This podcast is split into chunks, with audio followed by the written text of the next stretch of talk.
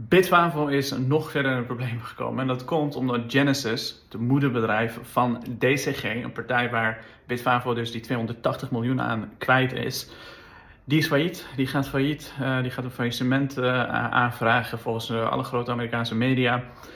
En volgens Bitfavo zelf gaan ze een uh, Chapter 11 bankruptcy filen. Dat betekent dus dat ze daadwerkelijk failliet worden geklaard. En wat er dan wordt gedaan is, wordt gekeken ook heel veel geld zit in het laantje. En hoe kunnen we dat zo of, uh, geleidelijk mogelijk um, uh, gaan verdelen onder schuldeisers. Dus een ander bedrijf die heeft 900 miljoen schuld bij, bij ze geparkeerd.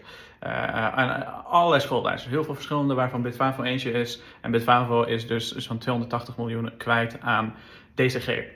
Nu is de vraag, kunnen ze dat geld terugkrijgen, ja of nee? Ik denk als je kijkt naar de historie van crypto, dan is dat waarschijnlijk een Waarschijnlijk gaan ze dat niet terugkrijgen. Maar zij zeggen natuurlijk vanaf het begin al dat um, ehm, DCG heeft gecommitteerd en gezegd dat ze 100% van dat geld terugkrijgen. Nu zijn ze daar wel een beetje op teruggekrabbeld of ze hebben andere informatie gekregen, ik weet het niet.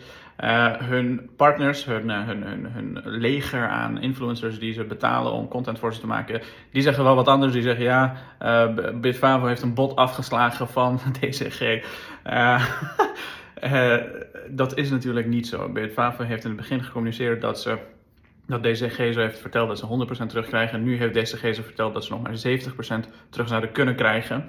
En Bitfavo zegt dus, we willen geen 70%, we willen die volle, uh, volle 100%. Nu de vraag is, gaan ze überhaupt iets terugkrijgen? Gaan ze überhaupt die 70% ook terugkrijgen? We hebben het in de geschiedenis van crypto nog nooit meegemaakt dat een bedrijf zo gigantisch veel geld aan een ander bedrijf had geleend en dat terug heeft gekregen bij hun faillissement. En als dat al zou gebeuren, dan duurt dat een aantal jaar waarschijnlijk voordat dit hele proces is afgerond. In de tussentijd heeft Bitbavo natuurlijk nog steeds een probleem van 280 miljoen. En als we kijken naar die uh, simpelweg naar de cijfers van wat ze bij de KVK hebben gedeponeerd, de cijfers die ze hebben ge, um, uh, ge, ge, gecommuniceerd, dan mist er nog steeds onder, onderaan de streep zo'n 100 miljoen als ze niet die volledige 280 miljoen terugkrijgen. Dus we hebben eigenlijk onderaan de streep als ze alles verkopen, als ze alle uh, leningen uh, terugkrijgen, zelfs als ze het wanbeleid terugdraaien, waarin ze dus alle ingekomen geld terug hebben gegeven aan hun eigenaren, zelfs dan zouden ze een probleem van zo'n 100 miljoen